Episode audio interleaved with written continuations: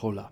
Dzisiaj porozmawiamy sobie o reprezentacji Argentyny w dwóch bardzo szerokich kontekstach. Pierwszym z nich jest ta, którą przewodzi kolektyw na czele z Lionelem Scalonim, a po drugiej stronie mamy to, co zaczyna się już dzisiaj, w momencie, w którym nagrywam ten podcast. Reprezentacja Argentyny do lat 20 bierze udział w towarzyskim turnieju tulońskim Torneo Maurice Reveillot w Francji, gdzie podopieczni Javiera Mascherano będą, no cóż, chcieli się zaprezentować światu. Szczególnie właśnie ta druga kadra wzbudza największe zainteresowanie, ponieważ z jednej strony nazwisko selekcjonera, czyli słynnego El Jefecito, a z drugiej również lista powołanych zawodników, z czego bardzo wyróżniają się ci,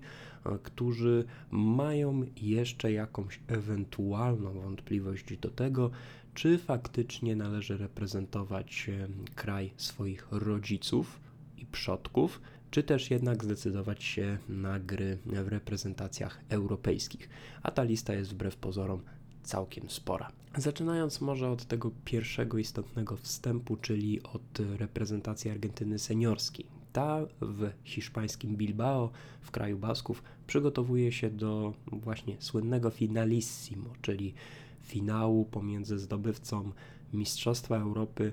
i triumfatorem Copa America. Pojedynek Argentyny z Włochami, który odbędzie się na Wembley w Dniu Dziecka 1 czerwca, jest pewną jednak gramą emocji, bo jest to powrotem do turnieju Artemio Frakiego,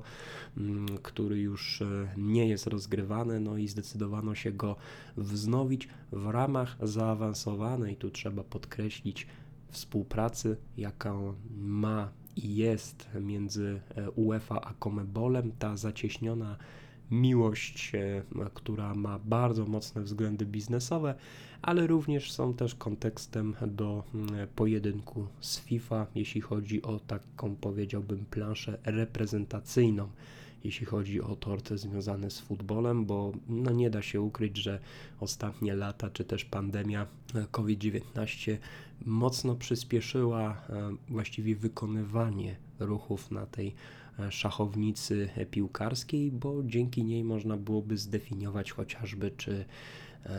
kto lub bardziej przysłuży się temu, żeby tym futbolem rządzić. Więc po jednej stronie są kluby, po drugiej stronie są konfederacje, które chcą ustalać przepisy i jednocześnie mieć jak najwięcej do powiedzenia, jeśli chodzi o e, mecze reprezentacyjne. Ale ta współpraca to ma trochę jakiś inny wymiar. Dlaczego jakiś? Bo wiadomym jest, że Ceferin i spółka i UEFA chcą mocno dzielić i rządzić nie tylko europejską piłką, ale też i światową i dlatego potrzebni są mi też sojusznicy. No a gdzie by znaleźć takiego sojusznika niż w Ameryce Południowej, drugim kontynencie, który jest tak naprawdę na tej futbolowej mapie najważniejszym, ten, który nam produkuje olbrzymie ilości talentów, chociaż głównie zaznacza się, że jest to rola przede wszystkim Brazylii, potem Argentyny, Urugwaju, potem można wymienić Kolumbię, no i pozostałych członków tej konfederacji, która w mniejszym lub większym stopniu chce odgrywać rolę na futbolowej e, mapie. Ale właśnie dzięki tej współpracy i temu, jak chcą sobie wymieniać te doświadczenia obie konfederacje, można dojść do wniosku, że Finalissimo to jest na razie pierwszy punkt wspólny między właśnie tymi dwiema organizacjami. Nastroje Argentyńczyków są optymistyczne. To jest standard, bo jesteśmy A. Niepokonani, B. Jesteśmy reprezentacją Argentyny. A jaką tą reprezentacją by nie być, kiedy, mm, cóż, podopieczni Scaloniego mierzą wyraźnie wprost. Chcemy po prostu ten turniej wygrać. A żeby odnieść sukces, no to jakby nie patrzeć, trzeba się zmierzyć z reprezentacją, której na mundialu zabraknie i będzie chciała się trochę jednak odkuć za to, że na tym mundialu się nie pojawią. Dlatego samo trofeum, sam ten pojedynek nie jest jakimś do końca bardzo dużym prestiżem, ale jest jednak stawką wyższą niż sam mecz towarzyski.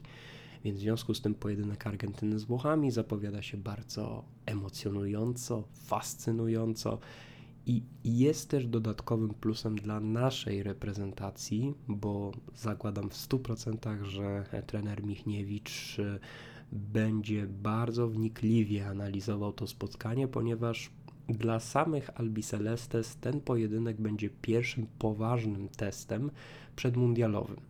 bo seria następnych spotkań towarzyskich, jak chociażby z Estonią, e, również w San Sebastian 5 czerwca, ma tylko i wyłącznie taki wymiar po prostu spotkania do odhaczenia. No niestety, ale Argentyna nie znalazła lepszego sparring partnera, więc w związku z czym po prostu zdecydowała się na Estonię, która akurat będzie miała swoje wolne okienko na to spotkanie. Argentyna jeszcze bardzo nie sprecyzowała swoich planów na późniejsze miesiące, więc e, dla nich spotkanie z Italią to nie tylko przedłużenie serii spotkań bez porażki, ale także również pierwszy test mecz z drużyną ze starego kontynentu, żeby móc realnie ocenić to, gdzie na tych mistrzostwach świata się znajdą i o co ewentualnie będą się bić. Bo Argentyńczycy, jak to Argentyńczycy, oni po prostu wierzą, że ten mundial będzie ich i ten ultimo baile Leo Messiego czy też Angela Di Marii no musi się skończyć tak samo jak to, który dokonał Michael Jordan z Chicago Bulls. Scenariusz jest oczywiście już napisany, teraz tylko trzeba go zrealizować. Myślę, że tutaj ten temat seniorskiej reprezentacji bardziej będę e, szerzej trzymał już na Twitterze, kiedy już to spotkanie będzie mm, już w momencie e, jej przystąpienia i będziemy, będziemy bliżej tego 1 e, czerwca. Ale z kolei znacznie większą uwagę należy zwrócić na właśnie kadrę do lat 20. Bo tak się składa, że Javier Mascherano, który re z reprezentacją Argentyny pracuje od no, mniej więcej dwóch lat,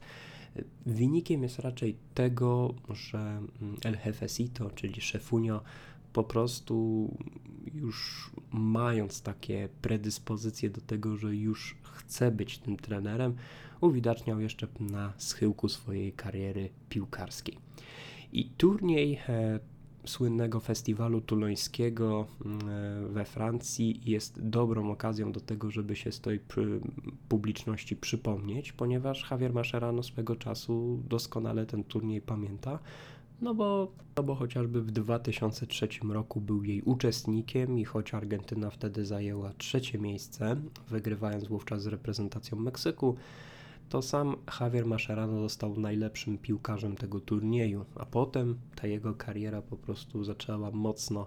mocno zwyżkować, chociaż głównie w reprezentacji, zanim była okazja występów w barwach River Plate. I dla Javiera Mascherano ten turniej jest po prostu ważnym, pierwszym poważnym testem na stanowisku selekcjonerskim. Do tej pory w AFA pełnił funkcję osoby analityka i człowieka wdrażającego nowoczesne technologie. O takie stanowisko dostał w Argentyńskiej Federacji Piłkarskiej Javier Mascherano i e, nie narzekał, ale z drugiej strony widać było, że garnie się do tej um, trenerskiej pracy. I tylko kiedy się okazało, że mm, jest wakat na stanowisku U20, bo Fernando Batista postanowił z Jose Peckermanem zawędrować do Wenezueli, Ponoć rozmowa z Claudio Tapią trwała mniej niż 10 sekund, bo Javier od razu się po prostu zgodził i w ciągu następnego dnia napisał pełną rozpiskę tego, jak ta e, kadrę do lat 20 będzie przygotowywał pod swoją wodzą. I oczywiście najgłośniej było w tym, że kiedy zawodnicy e, przyjechali na zgrupowanie, to dostali bardzo długą rozpiskę rzeczy,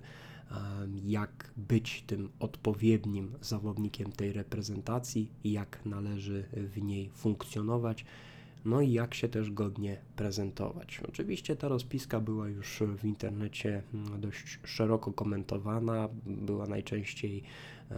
lajkowana, była po prostu popularna i doceniana mm, z każdej po prostu mm, szerokości tego świata. No bo to, co by się może wydawało niczym zaskakującym, ale jednak Javier wyraźnie zaznaczył, że e, piłkarze mają odrabiać lekcje, no bo w końcu wciąż część z nich jednak uczęszcza do tych szkół i celem Javiera jest odpowiednia edukacja. Dwa, e, że są wyraźne zajęcia prowadzone z tego, jak należy się posługiwać nie tylko mediami społecznościowymi, ale po prostu takiego może niekoniecznie savoir vivre, ale tego, jak się zachowywać w otoczeniu, które cechy charakteru warto mm, pielęgnować, upiększać i jak po prostu być tym dobrym człowiekiem. Ale też nawet takie proste, banalne rzeczy jak sprzątanie po sobie, dbanie o czystość i porządek we własnych pokojach, e, również czyszczenie swoich własnych korków, a nie licząc na to, że któryś z techników e, po prostu się tym będzie zajmował, albo przede wszystkim nawet gotowanie własnych posiłków. No bo Javier Mascherano zaznaczył, że jednak większą integralnością i siłą grupy będzie to, że będą sobie ci piłkarze sami gotować. No i żeby było również też bardzo ciekawie, to często po prostu zawodnicy sobie rotowali. To nie było tak, że po prostu mieli gotowe jakieś składniki i sobie mieszali, tylko sobie w, i we wspólnym gronie ustalili, że obiady będą gotowali w różnych dniach wyznaczeni zawodnicy. I tak jednego dnia zdarzyło się, że to bracia Carboni byli e, tymi, którzy można powiedzieć, wcielili się w rolę włoskich ekspertów od kuchni, a z drugiej strony na przykład taką mieszankę angielskich e, potraw chciał zademonstrować Alejandro Garnacho, z którego potem się śmieli, że mm, mało co całej e, reprezentacji nie, nie otruł na śmierć. Także jest to pewien rodzaj właśnie budowy takiej nie tyle co społeczności, ale siły tej grupy i takiej plemiennej jej mocy. Chce z niej wydobyć właśnie Javier Mascherano, stosując się wyraźnie do określonych i jasnych zasad w tej grupie, dzięki którym łatwiej będzie osiągnąć wyniki. Jeśli ktoś z tej grupy mm, nie podobał wyzwaniu, no to po prostu z niej wylatywał. Tak samo przecież również zadbał o język angielski, no bo o ile taki Garnacho nie ma z tym problemu, o tyle cała reszta no, może mieć ku temu pewne wątpliwości i Mascherano dba o to, żeby również język angielski był też dla nich tym językiem uniwersalnym, pomagającym też porozumiewać się z innymi osobami na, na, na naszym świecie, na naszej wspaniałej planecie Ziemia tak zabrzmiało to na koniec niewątpliwie e, lekko sympatycznie. O, to będzie dobre określenie. Natomiast z czym tak naprawdę Javier Mascherano przyjeżdża e, na turniej tuloński? No cóż, e, kadra z grubsza jest bardzo ofensywna. I to trzeba od razu zaznaczyć, że kiedy mm, patrzy się na te wszystkie nazwiska, no to jakby jedną rolą jest to, żeby przekonać tych, którzy e, grają w, chociażby w klubach europejskich i mają wątpliwość jeszcze co do tego, w której kadrze grać, bo posiadają chociażby podwójne obywatelstwa. Ale to też jednocześnie okazja do tego, żeby zobaczyć, czy ta drużyna nie jest na wskroś ofensywna, bo lista zawodników właśnie o tej inklinacji jest wręcz powiedziałbym przepotężna, jest wręcz bardzo duża. I tak lecąc po prostu samymi nazwiskami, no to nazwiska Valentina Quintero czy Francisco Gomeza, czyli bramkarzy Rosario Central i Racingu nie powiedzą nic. Od Quintero bardziej się wyróżnia tym, że mając prawie 1,95 m wzrostu, e, jest e, no nieco większy od Francisco Gomeza. Jest też e, bramkarzem, który bardzo dobrze czuje się na przedpolu, na linii. Niektórzy twierdzą, że trochę brakuje mu tego refleksu, ale no zakładam, że po prostu ktoś na tej bramce musi stać i na razie o żadnym z nich niespecjalnie szczerze mówiąc się mówi, że e, któryś z nich ma talent pokroju, no chociażby Sergio Romero, tak z grubsza mówiąc.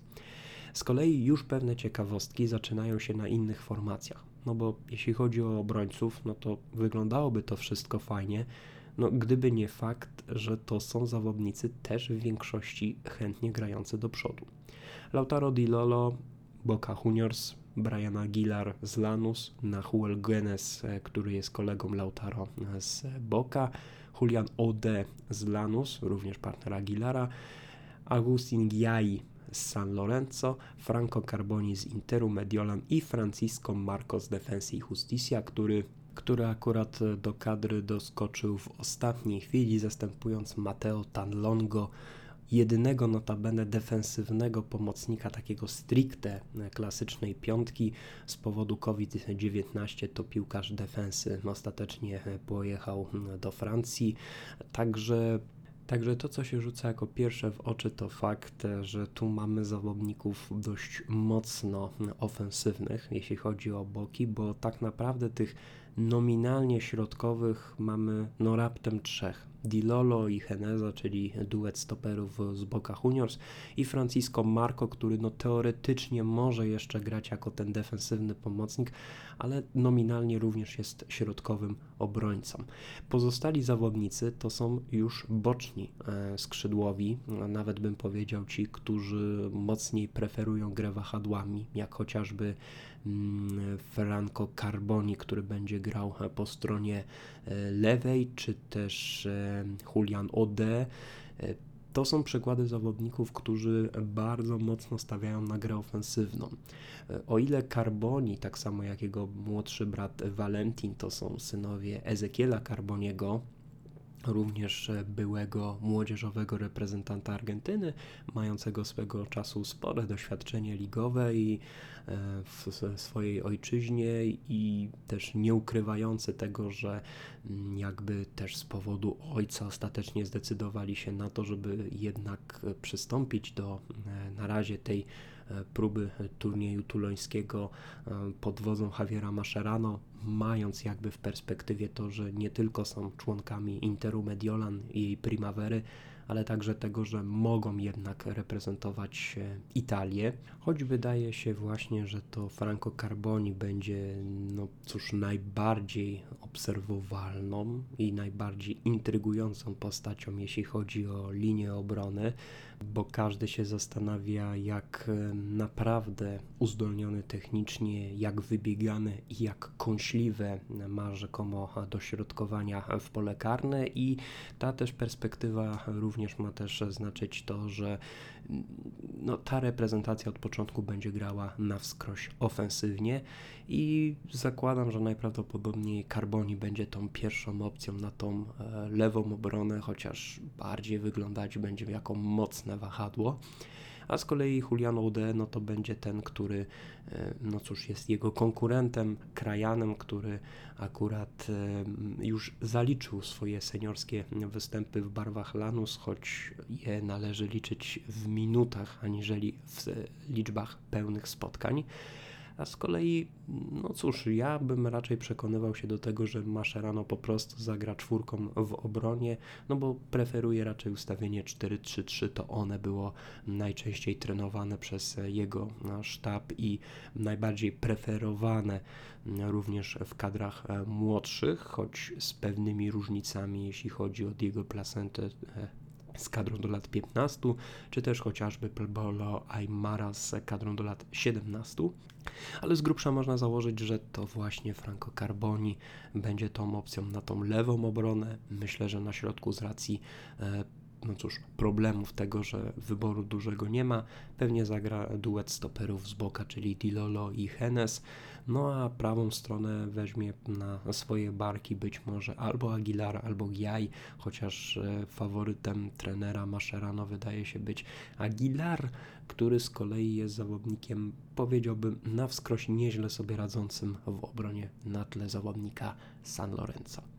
Jeśli chodzi o linię pomocy, no to tutaj tak naprawdę poza Maximiliano Gonzalezem z Lanus, cała reszta zawodników jest po prostu dalej bardzo ofensywnie usposobiona.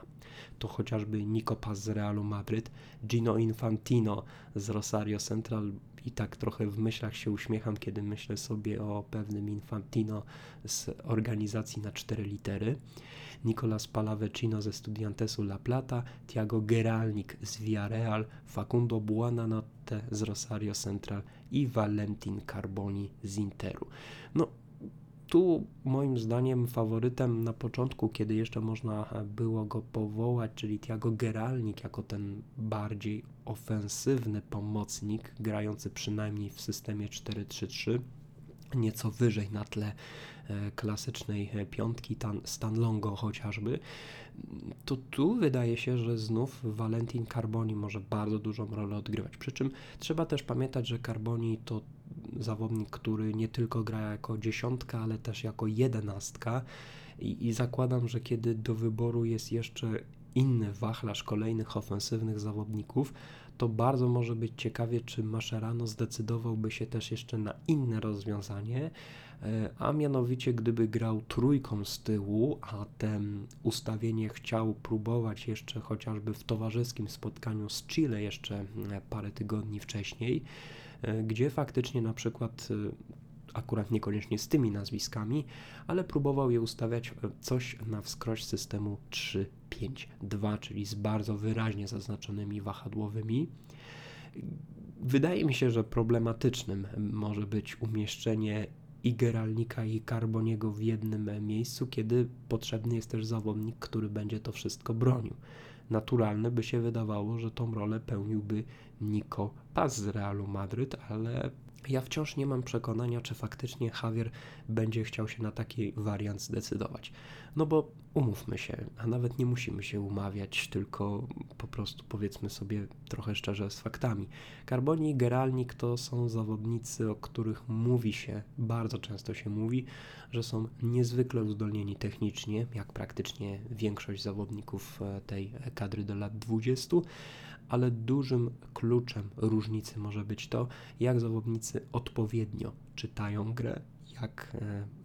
z tej nowomowy skanują przestrzeń, czyli to, jak wyszukują tych okazji do rozegrania piłki w odpowiednim momencie, w odpowiednim czasie, jak być od, też przygotowanym e, do e, przyjęcia podania. Więc z tych jakby zakresów wydaje się, że więcej w superlatywach mówi się o właśnie Valentinie Carbonim, który po prostu ma możliwość właśnie prowadzenia piłki w taki, a nie inny sposób. Z drugiej strony Geralnik to taka trochę bardziej typowa e, dziesiątka, raczej taki zawodnik, który lubi też trzymać piłkę przy nodze, chętnie ją rozgrywać, może niekoniecznie w stylu la pauzy ala Bokini czy też Rikelme, ale zawodnik, który też chce e, czuć się e, cóż, doceniony z tym, że po prostu ta piłka jest przy jego nodze. Trudne to zadanie, bo przyznam szczerze, że mając aż tak duży wachlarz piłkarzy stricte ofensywnych, no aż prosi się o to, żeby znaleźć tego, który będzie umiał odebrać tą piłkę jak na Javiera Mascherano większość by się spodziewała, że jednak w kadrze zobaczymy przynajmniej tych zawodników, którzy jednak z grą w destrukcji radzą sobie na tyle odpowiednio, że zasługują na powołanie do kadry do lat 20. A tu z grubsza tak naprawdę no tylko Gonzales jest właśnie ten tak awaryjnie nominowany do tej kadry jako zawodnik, który może grać na pozycji piątki, ale większość czasu spędzał w tych kadrach młodzieżowych defensy jako zawodnik na wskroś środka obrony. No jest to duży dylemat, bo teraz w takim układzie po prostu logicznym się wydaje, że trzeba wybrać zawodnika, który najlepiej będzie czuł grę w destrukcji i może ten klucz paść właśnie na Niko Paza, który jest po prostu teoretycznie środkowym po prostu e, pomocnikiem, czy chociażby jeszcze Nicolasa Palavecino, chociaż ja też go kojarzę jako zawodnika też grającego jako typowa dziesiątka i Przyznam szczerze, że w pewnych momentach mam wrażenie, że Javier Mascherano po prostu wyjdzie ustawieniem 2-3-5 jak w starych dobrych czasach i po prostu Argentyna może będzie tracić 5-6 goli, a będzie ich strzelać 12 czy 13. Tak po prostu wydaje się to być najbardziej abstrakcyjne, ale w pewnym gruncie rzeczy dość realnym scenariuszem. Natomiast gdybym miał ryzykować, no to chyba logicznym by mi się wydawało, że pas, cóż, Geralnik i Carboni, no gdyby to taka była trójka, a być może czwórka, no to umieściłbym ewentualnie Infantino, ale zakładam również też to, że trener Mascherano, mając przed sobą zawodników już z tej linii numer 3, a więc tej bardzo ofensywnej, no chciałby umieścić e, wszystko, czyli mieć ciastko i zjeść ciastko. A dlaczego o tym mówię? No bo kiedy patrzymy na tą decydującą linię, która ma te bramki strzelać, no to aż czasem włos się jeży na głowie, jak takich zawodników w na jednym, powiedzmy, ustawieniu ich zmieścić. Bo mamy Luke Romero z Lazio, mamy Briana Aguirre z Newell's Old Boys, Matteo Sanabria z Lanus, Santiago Castro z Velezu i dwa bardzo ważne nazwiska w kontekście też tej kadry obok Luki Romero, czyli Matiasa Soule z Juventusu i Alejandro Garnacho z Manchesteru United. To ostatnie nazwisko jest najbardziej medialne w ostatnich tygodniach, no bo w końcu mówimy tu o zawodniku Manchesteru United, którego też wybierano najlepszym zawodnikiem młodzieżowej e, Premier League, zawodnika, który e, no, w tych młodzieżowych kadrach Manchesteru robi ponoć kapitalną robotę i zawodnika, którego argentyńskie media e, głęboko kreują jako nowego już od razu Messiego, że to będzie ten nasz zawodnik, to będzie ten następca, ten, który wybierze jedyną słuszną reprezentację ale Garnacho będzie miał te dylematy, bo urodził się w Madrycie, mm, przez całe niemal swoje życie związane tylko i wyłącznie z Europą. E, Argentyna to po prostu e, opowieści i historie związane e, z jego przodkami, jego rodzicami i też trzeba przyznać wprost, Garnacho występował w kadrach młodzieżowych hiszpańskich, ale być może właśnie praca mm, Bernardo Romeo jako człowieka koordynatora wszystkich juniorskich reprezentacji w Argentynie i wyznaczonych ludzi, jak chociażby Juan Martin Tassi, który jest y, takim odpowiednikiem może Maćka Chorążyka, bo to jest właśnie taki scout y, argentyński, który odpowiada za wynajdowanie i wyszukiwanie zawodników o argentyńskich korzeniach bądź też argentyńskim paszporcie, którzy mogliby wzmocnić reprezentację Argentyny. Czyli odwracając sytuację dawnych czasów, kiedy mieliśmy Argentyńczycy przynajmniej tak sobie mówili, bogactwo, no to tak naprawdę dzieliliśmy się z innymi, ponieważ ci, którzy się nie mieścili, po prostu dla nas nie istnieli. Argentyna odwróciła trochę ten trend i teraz chce o te swoje talenty walczyć. Chce mieć pewność, że wszyscy najważniejsi jej zawodnicy oraz ci, którzy mają argentyński korzeń e, rodzinny, mogą dla Albi Celestes grać i Juan Martin Tassi jest właśnie taką osobą, która tych zawodników wynajduje i to właśnie dzięki niemu bracia Carboni, Nico Paz, Tiago Geralnik, e, Matias Soule czy też Alejandro Garnacho do tej kadry wskoczyli. Choć jeszcze też e, sprawa Luki Romero, który przecież też może jeszcze chociażby grać dla reprezentacji Meksyku. Soule to trochę już wcześniejszy przypadek zawodnika, który po prostu ma ten włoski paszport i szybko go wyjęli z Welezu Sarsefield, jednej z moim zdaniem najlepszych e, szkółek argentyńskiego futbolu, e, prosto do Juventusu. I Tassi chociażby miał odegrać bardzo kluczową rolę w tym, że Alejandro Garnacho najpierw przyjechał, tak samo jak pozostali jego koledzy, na zgrupowanie seniorskiej reprezentacji, by móc właśnie obok Leo Messiego mm, potrenować i przy okazji wtedy Javier Mascherano mógł ich wytestować w meczu towarzyskim ze Stanami Zjednoczonymi z tego samego rocznika. I tak samo również jest i tutaj. No, wydawać by się mogło, że Akurat tutaj żaden z nich nie jest środkowym napastnikiem. Tak naprawdę jedynym klasycznym jest Santiago Castro z Velezu. Pozostali to są tylko i wyłącznie skrzydłowi, no nie licząc też Luki Romero, który może grać jako bardzo ofensywny środkowy pomocnik, no to aż prosi się o to, że w systemie trójkowym Javier Mascherano po prostu umieszcza Garnacho bardziej mm, właśnie na stronie lewej, Soule na prawej, no i pewnie Luki Romero jako fałszywą dziewiątkę. No, można sobie wyobrazić różne scenariusze. Zakładam, że gdyby e, to była kadra na ustawienie 2-3-5, no to myślę, że bez trudu całą trójkę dałoby się zmieścić i jeszcze na dokładkę. E, można byłoby tam załadować i Valentina Carboniego, ale zakładam, że jednak Javier Mascherano wybierze tylko dwóch tych zawodników, bo byłbym bardzo zdziwiony, gdyby biorąc pod uwagę technikalia, możliwości każdego z tych zawodników, decydował się na ten wariant. Trzeba też pamiętać, że praktycznie wszyscy z nich ledwo dobijają do 1,80 m, bo tak naprawdę tylko Alejandro Garnacho jest jedynym, który ten e, poziom e, centymetrów przekracza. Choć biorąc pod uwagę ostatnie dni, to ma się czasem takie wrażenie, że te centymetry jednak robią swoją rolę nie tylko na boisku, ale też i w życiu.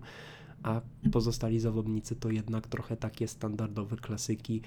175, 177 i to w tej reprezentacji dość mocno, jeśli chodzi o zawodników ofensywnych, się mocno przebija. I dobrze to też widać po Luce Romero, który 1,68 m, on też jest kwalifikowany jako ten nuevo Messi,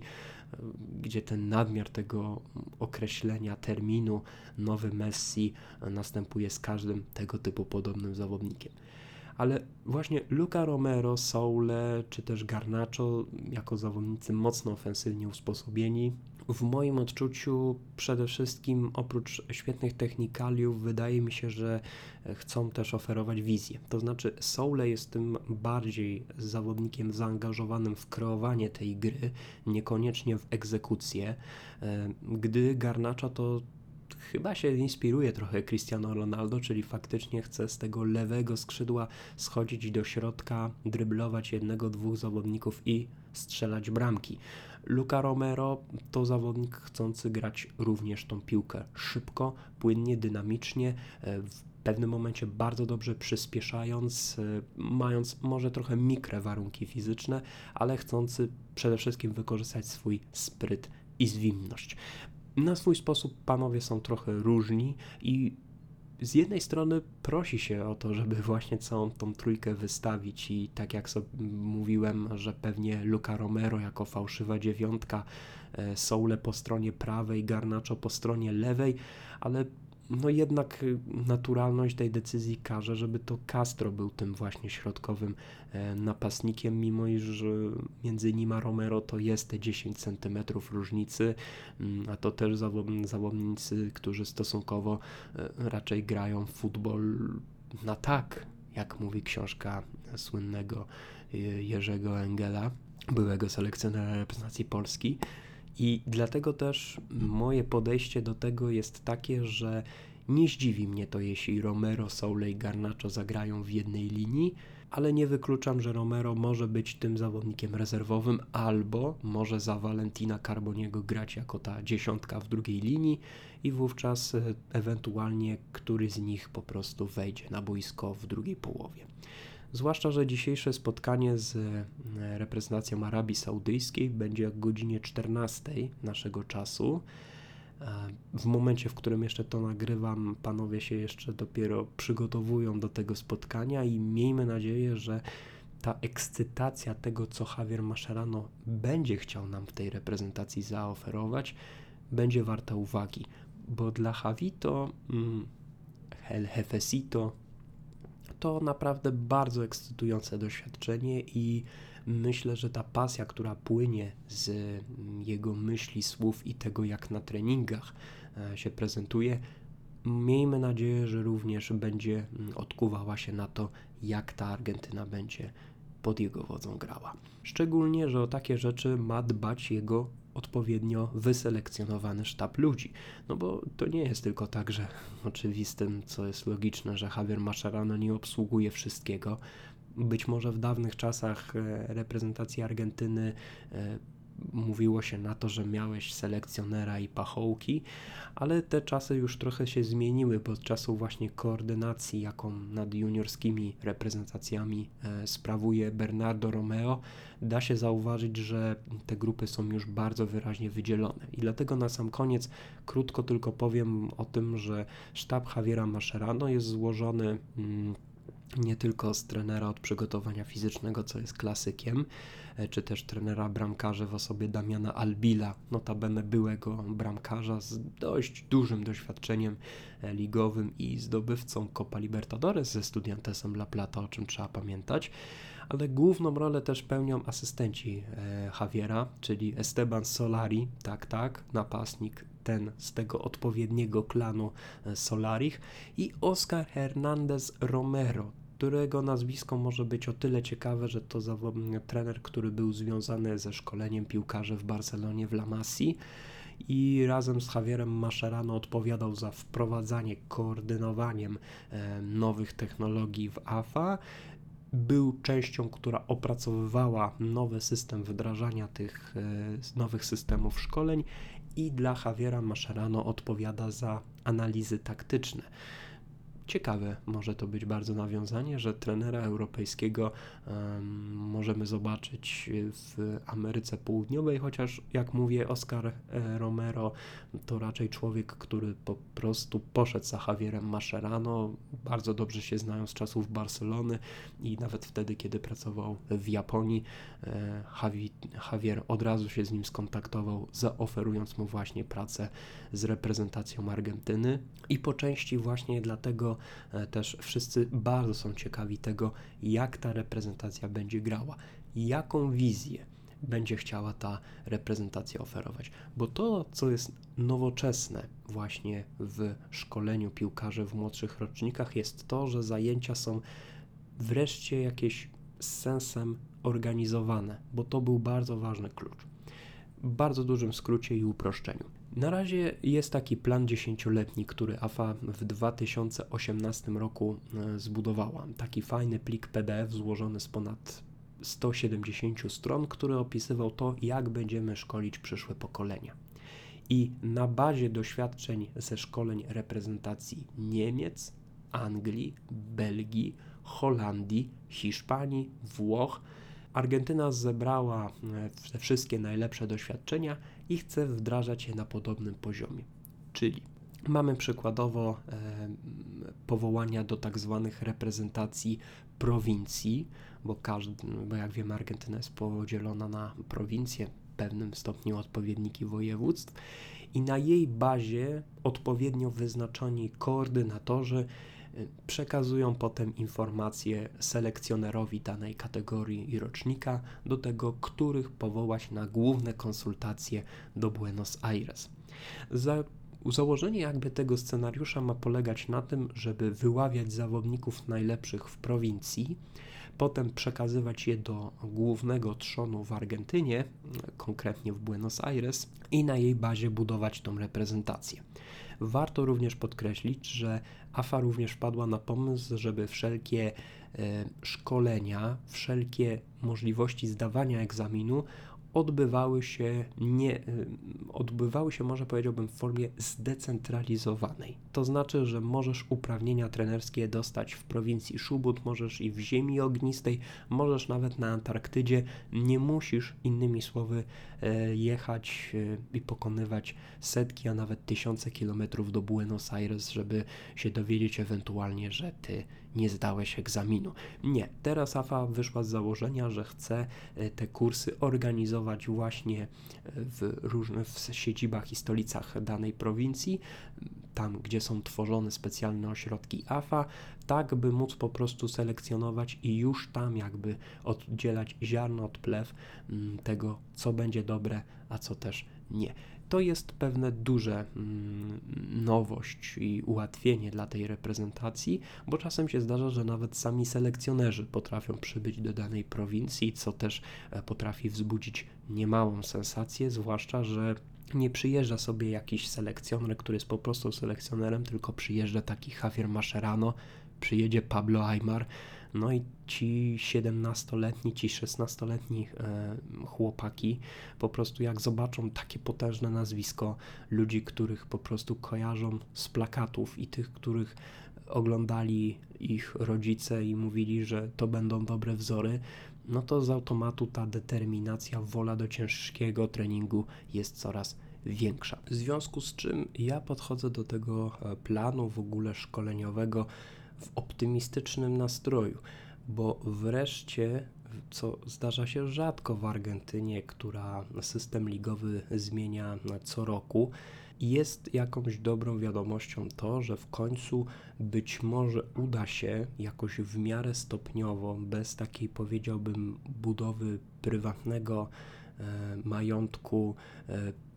łechtania własnego ego, w końcu zbudować coś dobrego dla reprezentacji Argentyny, że wreszcie futbol, który może i nie da się ukryć, że kiedy Messi z tą reprezentacją skończy, skończy się też okres tych naprawdę bardzo wielkich postaci na poziomie top świata. Takie, które mogą zostać legendami futbolu, ale takimi legendami, które po prostu w encyklopediach będą pisane złotymi zgłoskami. I dlatego też Argentyna dobrze, że w końcu być może otrzeźwiała, jeśli chodzi o tą perspektywę, i warto już teraz budować i zasiać e, to ziarno, by jej e, efekty, jej plony zbierać w późniejszych latach. I ta kadra do lat 20 będzie miała swoje pierwsze poważne wyzwanie. Dla Javiera Mascherano jest to pierwsze wyzwanie jako takiego selekcjonera, który będziemy mogli zobaczyć, czy to jest to zajęcie, które było z jednej strony jego pasją i chęcią, faktycznie będzie miało przyłożenie na to, jak tą reprezentację będzie prowadził, a być może awansuje gdzieś wyżej. I mówię tutaj o karierze klubowej chociażby w Europie, ale kto wie, czy Javier może nie być podobnie jak Aymar zainteresowany jednak pozostaniem sprawami przyziemnymi, które mocno go nakręcają do tej pracy, czyli jak Aymar chociażby, który pracuje no właściwie na dwóch etatach, no bo jest i selekcjonerem kadry do lat 17 i też asystentem trenera Scaloniego z kadrą seniorską i zresztą z nią właśnie w Bilbao przebywa. Jeszcze tylko w krótkim wstępie informacyjnym dodam, że Argentyna dzisiaj zagra z reprezentacją Arabii Saudyjskiej, potem będzie miała spotkanie w grupie z Panamą i na koniec fazy grupowej zmierzy się z gospodarzem, czyli reprezentacją Francji. Pozostali uczestnicy w grupie B to Meksyk, Wenezuela, Ghana i Indonezja, a z kolei w grupie C mamy Kolumbię, Japonię, Komory i Algieria. Tym samym jesteśmy ciekawi, myślę, że ja bardzo tego, jak Argentyna się na tym turnieju zaprezentuje, jak te talenty y, i siła ofensywna zostanie mm, ubrana w ten sposób, że przeciwnicy będą mieli nie tylko problemy ze strzelaniem bramek, ale tego, jak bronić się przed skomasowanymi atakami argentyńskich nowych młodzieżowych gwiazd, które wciąż jeszcze się będą zastanawiać, czy to z reprezentacją Argentyny wiązać swoją przyszłość już w seniorskim futbolu, a może też i z tego seniorskiego futbolu y, zaginąć, bo różne życie bywa zdolnych młodych piłkarzy. Dodam tylko wstępem, że oczywiście zwycięzcy grupy awansują do półfinału, a z miejsc drugich awansuje tylko ten, który będzie miał ten bilans najlepszy. Także festiwal tuloński startuje już dzisiaj. Argentyna, Arabia Saudyjska od godziny 14. Miejmy nadzieję, że Javierowi uda się zaprezentować coś wartego uwagi. Także z mojej strony to tyle. Michał Borowy. Adios.